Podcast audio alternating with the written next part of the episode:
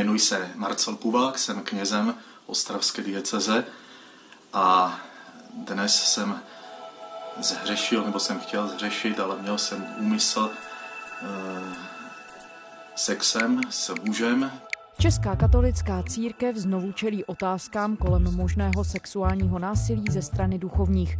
Debatu rozproudil případ kněze Marcela Puváka, který se před měsícem ve videu doznal, že chtěl mít sex s mužem. Reakce církve tehdy přišla v zápětí. V jiných případech ale katoličtí hodnostáři mlčí. Jak oprávněná je kritika obětí, že se nejvyšší církevní představitelé snaží trestné činy svých podřízených krýt? Je církev ve svém postoji jednotná? A umožňuje církevní hierarchie jednat těm, kdo chtějí proti sexuálnímu násilí bojovat? Je pátek 15. listopadu, tady je Lenka Kabrhelová a Vinohradská 12, spravodajský podcast Českého rozhlasu.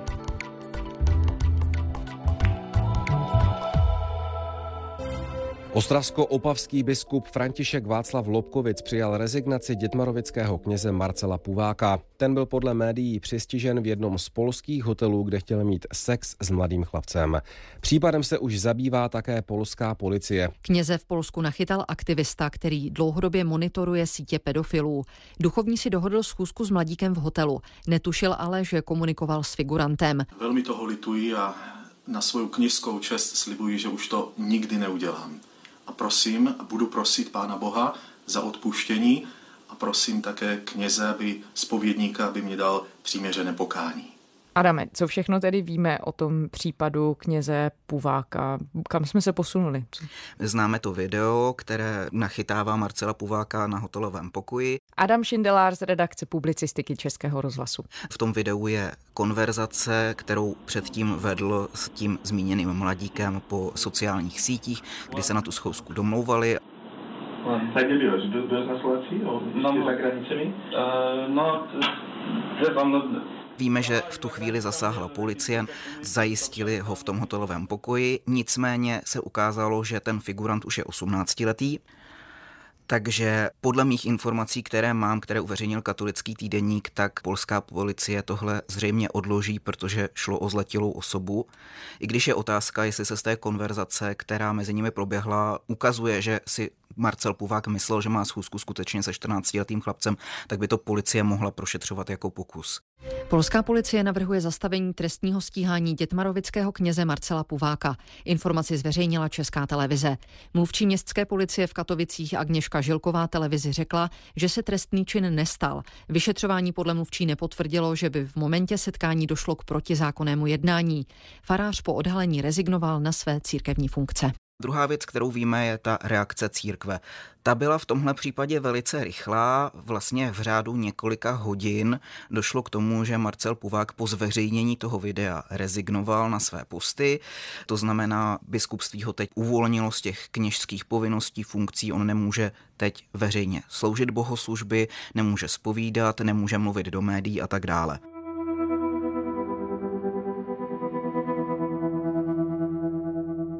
Tohle bylo neobvykle rychlé v těch kauzách zneužívání, které se za poslední roky objevily v katolické církvi v České republice. Dle mého názoru to souvisí hodně s tím, že tady jsou prostě jasné důkazy. Máme video, které ho skutečně zachycuje a on se v tom videu přiznává k tomu, že chtěl mít styk sexuální s mužem a omlouvá se za to. Ty sleduješ dění v církvi a reakce na možné případy sexuálního násilí v církvi dlouhodobě. Jakým způsobem se třeba někam posunuje samotné přijímání tady těch případů? Já si myslím, že s ohledem na tu kauzu Marcela Pováka to jde velmi těžko mluvit o nějakém posunu, protože tam je právě ten rozdíl toho videa, toho konkrétního důkazu. V ostatních případech, kde došlo k sexuálnímu násilí páchaného knězem na nezletilých nebo případně i zletilých osobách, tak prostě takovéhle důkazy neexistují, protože prostě běžně oběti se v takových situacích nenahrají na video. Takže vlastně tam je potom to dokazování mnohem složitější a je tam mnohem větší prostor pro to, jakkoliv spochybnit tu výpověď oběti. Vzpomenete si, kdy jste se s farářem poprvé potkala v soukromí a kolik vám bylo let? Bylo mi 15 let. Tak asi nejvýznamnější, nejviditelnější za poslední, řekněme, rok byla kauza v Českobudějovické diecézi, kde byl kněz s iniciály VZ obviněn ze zneužívání několika nezletilých dívek. Došlo k prošetření policií. V tomto případě tu kauzu zveřejnil server Seznam zprávy. On mě celou tu modlitbu tak jako by hladil za rameno nejdříve, ale ke konci té modlitby mě začal hladit po celém těle a nakonec mě sléknul a... Měli tam výpovědi těch obětí na mikrofon se změněným hlasem, se změněnou identitou. Policie došla v tomhle případě k závěru, že ty činy už pokud nastaly, byly promlčené. Takže ten případ nejde dál k soudu což je věc, která se velmi často stává v kauzách sexuálního násilí, že ty věci jsou promlčené. Českobudějovické biskupství vydalo nedávno tiskovou zprávu prohlášení k závěru vyšetřování policie. A tady je potřeba zmínit, že my nemáme k dispozici tu samotnou zprávu policie, takže my nevíme, co přesně policie v ní píše. Biskupství v Českých Budějovicích mluví o tom, že policie neschledala, protože tam se jednalo nejen o obvinění toho kněze, ale padlo obvinění na současného biskupa Kročila a jeho předchůdce Paďoura, který tedy už nežije, s tím, že o těch případech věděli a dostatečně je neřešili, neřešili dostatečně rychle a tak dále. A policie i toto vlastně shledala, protože tím, že je promlčený ten předchozí čin, tak i toto vlastně dál není řešeno. Biskupství Českobudějovické v tom prohlášení cituje tu zprávu policie, že bylo shledáno, že jednání VZ v daných případech nevykazuje znaky trestného činu ani toho, že by k takovému spáchání trestného činu mohlo směřovat a že policie uzavřela celý případ, že mohl být spáchan trestní čin konkrétní osobou, ale v daném případě s ohlédnutím k ustanovení paragrafu 11 odstavce 1 písmeno B trestního řádu jde o promlčení trestního stíhání jako případ zániku trestnosti.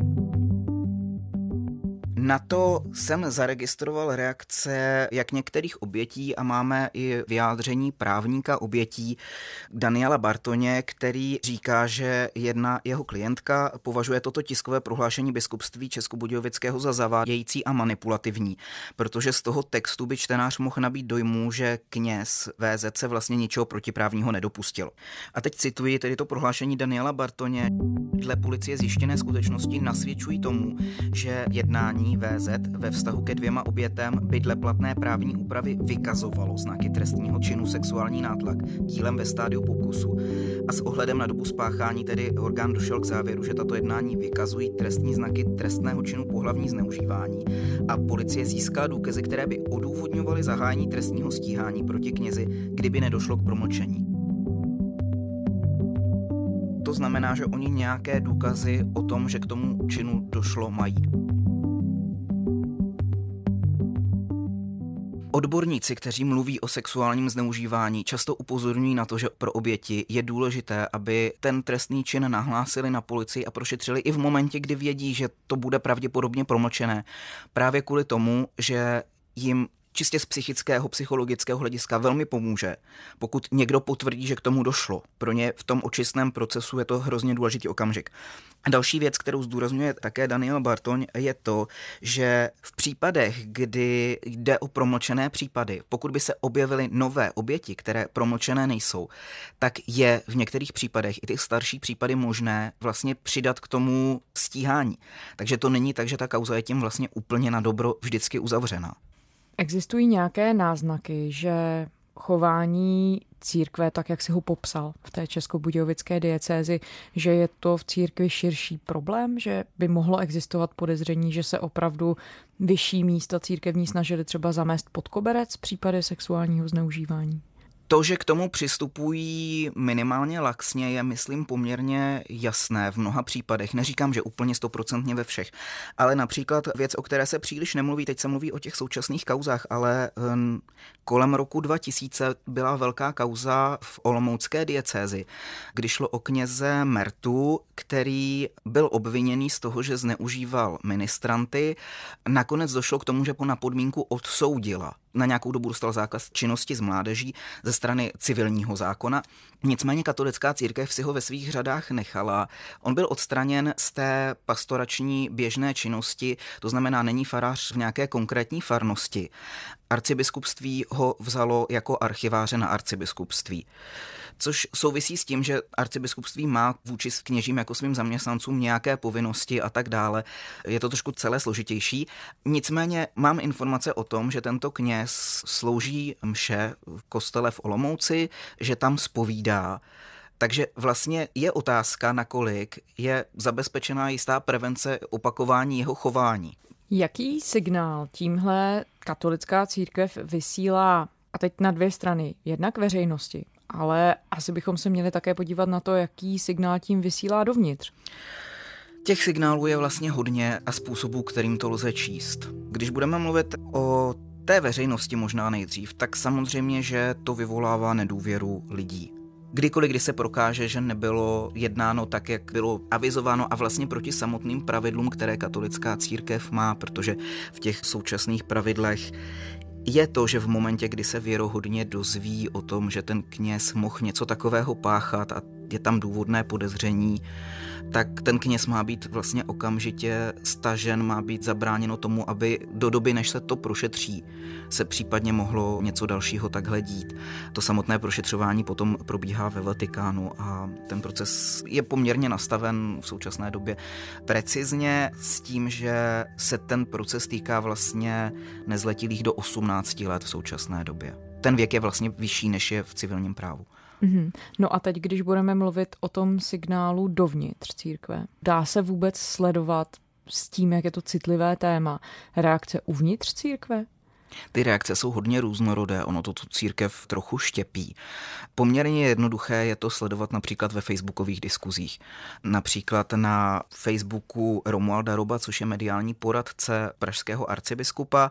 Poměrně tyhle diskuze jsou obsáhlé a najdou se tam jednak ty, kteří skutečně nevěří těm obětem, které mluvili, mluví o tom, že si to vymysleli, mluví o tom, že s takovým obviněním může přijít kdokoliv v momentě, kdy to skutečně není prokázáno policií a uzavřeno potrestáním toho vyníka, tak to neberou jako, že k tomu vůbec mohlo dojít.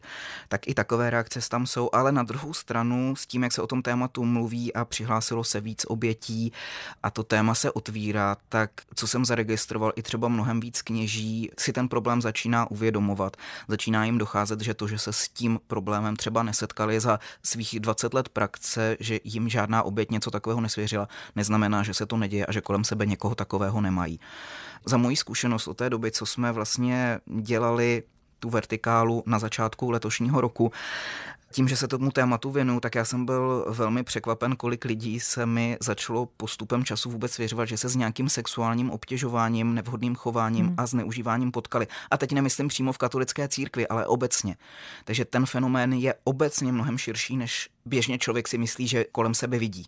No a když by si měl popsat, jakým způsobem uvnitř církve se přistupuje k těm problémům sexuálního zneužívání. Vládne úplné mlčení nebo se objevují třeba i nějaké dizentní hlasy, které říkají, měli bychom s tím něco dělat, čistě vyslat vzkaz jednak věřícím, ale také i veřejnosti. Určitě ano a já bych tomu možná neříkal ani přímo vyloženě disentní, protože jsou to vlastně lidé, které jsou součástí církve úplně stejně jako biskupové. A těch věřících lajků celkově je mnohem větší počet než biskupů, kteří mají to slovo a kteří za tu církev mluví navenek a jsou slyšet a dostanou slovo v médiích.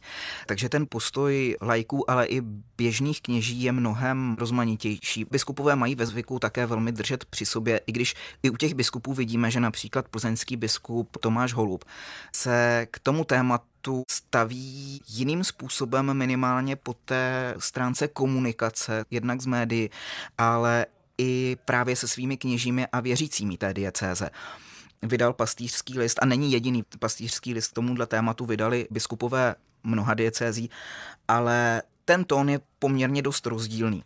Plzeňský biskup je také jediné biskupství v téhle chvíli, o kterém vím. V pondělí bude totiž bohoslužba za oběti sexuálního zneužívání v České republice, zvlášť za ty, které byly zneužity služebníky církve.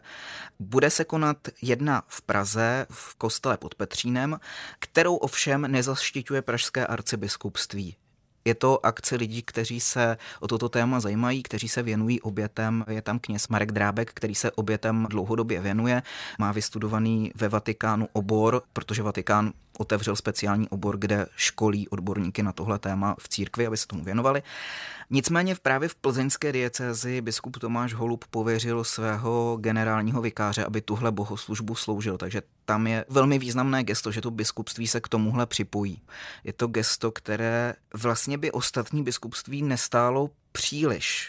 A pro ty oběti je to gesto velmi silné a důležité.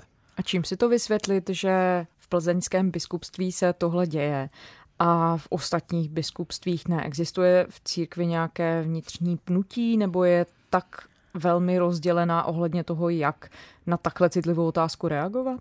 To je docela těžká otázka. Samotní biskupové navenek příliš nekomunikují o tom, proč se k čemu, jak staví v těchto otázkách. Řekl bych, že to bude nějaký výsledek, možná postoje k tomu tématu, ale možná i čistě jenom postoje k tomu, jak komunikovat s veřejností. Anche una hysteria.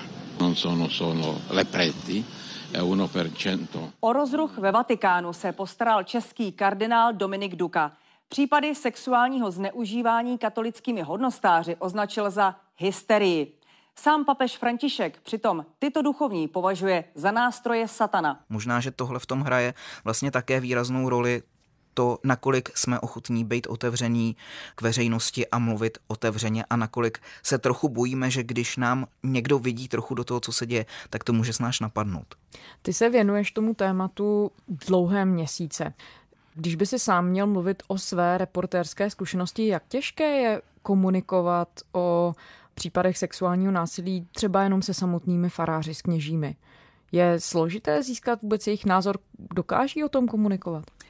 Je to velmi složité. Něco jiného je, co člověku řeknou soukromně, kdy jsou ochotní o tom mluvit a to téma mám zkušenost, že velmi pálí a z několika důvodů.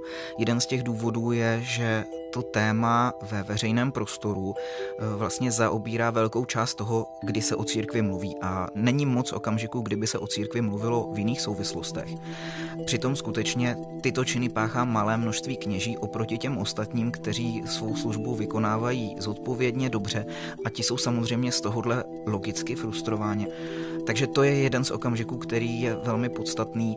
A druhá věc je, že oni sami jsou často z té situace trochu zmateni, protože třeba skutečně si dlouho nemysleli, že ten problém je tak velký. Teď se jim ukazuje, že se pletli, někdy se cítí velmi Nevím, jestli je moc silné slovo, ale možná bych klidně řekl zrazení, pokud ví, že došlo k nějakému krytí ze strany biskupů a podobně, nebo ne přímo krytí, ale nedostatečnému řešení, tak i z toho mají prostě smíšené pocity, protože jde o jejich nadřízené a někoho, komu by měli důvěřovat a mít s nimi úzký vztah. A hypoteticky, kdyby tady nějakým způsobem chtěli oni sami nastartovat debatu v katolické církvi, ve chvíli, kdy jim tedy chybí to vedení někoho, kdo by byl nad nimi hierarchicky a zahájil tu debatu. Tak co v té církevní hierarchii vůbec můžou a co naopak nemůžou dělat?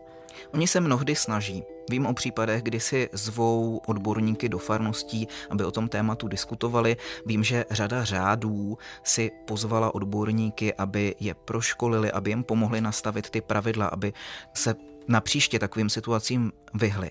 Takže se to děje, jsou farnosti, třeba vím o případu chebské farnosti, kde o velikonocích byla křížová cesta, která byla celá věnovaná obětem zneužívání. Má velmi dobře zpracovaný text, v kterém postihují vlastně všechny ty různé aspekty. Takže na mnoha místech té církve skutečně je zájem tohle nějak řešit. Na druhou stranu ty kněží jsou často v velmi těžké situaci, protože pro ně je velmi těžké jít nějakým způsobem proti biskupství proti svému biskupovi. Jednak z nějakého pocitu úcty, které k němu mají z té pozice a z toho duchovního rozměru. A druhá věc je, že ten biskup vlastně je ten, kdo je zaměstnává a rozhoduje do veliké míry o tom, jak bude vypadat jejich život. Katolický kněz bydlí běžně na faře, kterou mu biskupství biskup přidělí. Takže vlastně kněz si běžně nerozhoduje například, v kterém místě bude působit. A bez jakýchkoliv zdůvodnění biskup řekne pastorační nutnost potřebujeme kněze tam a tam a ten kněz se tam musí třeba během krátké doby, někdy se to dozví třeba týden dopředu, hmm. přestěhovat. Takže samozřejmě tohle všechno má vliv na to, jakým způsobem jsou ochotní se veřejně postavit a nakolik A teď to nemusí být jenom to, že vlastně chrání sami sebe, ale vlastně i třeba to svoje společenství, protože pro tu farnost je citlivé, když o toho kněze přijde z ničeho nic náhle. Pokud by došlo k nějakým omezením působnosti třeba toho kněze, tak on bude velmi zvažovat, jestli to vlastně prospěje ten jeho veřejný hlas a odpor třeba vůči biskupovi, jestli není lepší nebýt tak nápadný, ale za to aktivně prostě pracovat s věřícími z lajky a se svou farností, která mu byla svěřena. Ty jsi popisoval teď tu reakci České katolické církve. Církev je ovšem globální instituce. Když se podíváme do jiných zemí, vypadá to tam podobně? Je to hodně různé, záleží právě na konkrétních zemích. Pokud vím, tak třeba situace v Německu je hodně odlišná od té naší. Tam ta církev, protože tam ty skandály propukly a byly dokumentovány v poměrně velké míře. Nicméně ta církev se toho ujala tak, že si vypracovala svoje odborníky, začali se tomu tématu věnovat poměrně zodpovědně, částečně díky tlaku také veřejnosti a médií. A nakonec se stali jistými průkopníky v ochraně nezletilých před sexuálním násilím a nyní teď tam ty jejich odborníci vlastně školí i necírkevní organizace, jak se takovým situacím vyhnout, jak je řešit. Takže tohle je třeba případ, který je hodně odlišný. Odlišná je situace třeba ve Spojených státech, kde to byl dlouho velký problém, ale vlastně to téma tam řeší už, dá se říct, desítky let. Vatikán lituje sexuálního zneužívání dětí ze strany amerických kněží a stydí se za něj. Papežský stát tak komentoval obvinění víc než třístovek duchovních ze státu Pensylvánie. Během 70 let zneužili minimálně tisícovku nezletilých. Jednotlivé případy navíc kryly biskupové, díky kterým se jen minimum viníků dočkalo trestu. This is not just Boston, it's a whole country, it's a whole world. Já si myslím, že do velké míry také ta reakce církve a církevní hierarchie vlastně kopíruje ale to, co se děje v celé společnosti těch zemí. Protože i ty biskupové byli vychováváni v té zemi, nejsou úplně oddělenou nějakou skupinou. Takže vlastně celá ta atmosféra přístupu k tomu sexuálnímu násilí prostě formuje i ty církevní pracovníky. A Česká republika, co jsem měl možnost vidět různé průzkumy, postuje Čechů k sexuálnímu násilí, na tom si nestojí úplně dobře. Hodně Čechů bagatelizuje sexuální násilí. Téměř Tři pětiny Čechů si myslí, že ženy si za znásilnění v některých případech mohou sami. A to pokud se chovali koketně, byly vyzývavě oblečené, opilé nebo se pohybovali bez doprovodu. Tyto názory ale za poslední tři roky mírně ztratily podporu a to o pět procentních bodů. Vyplývá to z průzkumu organizace Amnesty International. V jiných zemích je tohle téma vlastně nastaveno úplně jinak. Pohlíží se mnohem víc na to, že to je otázka chování toho pachatele a ne té oběti. Adame, lajkové často spojují sexuální násilí v církvi s celibátem. Existuje tam jakákoliv spojnice? Jak tohle vlastně vnímá církev sama? Oni se tou otázkou zabývali i různí odborníci, psychologové, sexuologové. Není na to jednotný postoj, jsou ti, kteří tvrdí, že ten celibát tam má vliv, ale na druhou stranu rozhodně se nedá říct, že je to stoprocentní, protože už jenom to, že víme, že k většině sexuálního násilí na nezletilých dochází v rámci rodin a páchají to často třeba odčímové a podobně, tak je jasné, že to nesouvisí s tím celibátem a spousta kněží ten celibát dokáže žít bez problému. Takže přímá spojnice tam není. Na druhou stranu může ten život v celibátu určité patologické osobnosti vztahově lákat k tomu, že tím zakryjí svou třeba nějakou osobní nezralost v téhle otázce a může to víc lákat k tomu do toho semináře a do toho kněžství jít. Adam Šindelář z redakce publicistiky Českého rozhlasu. Díky, Adame. Rádo se stalo.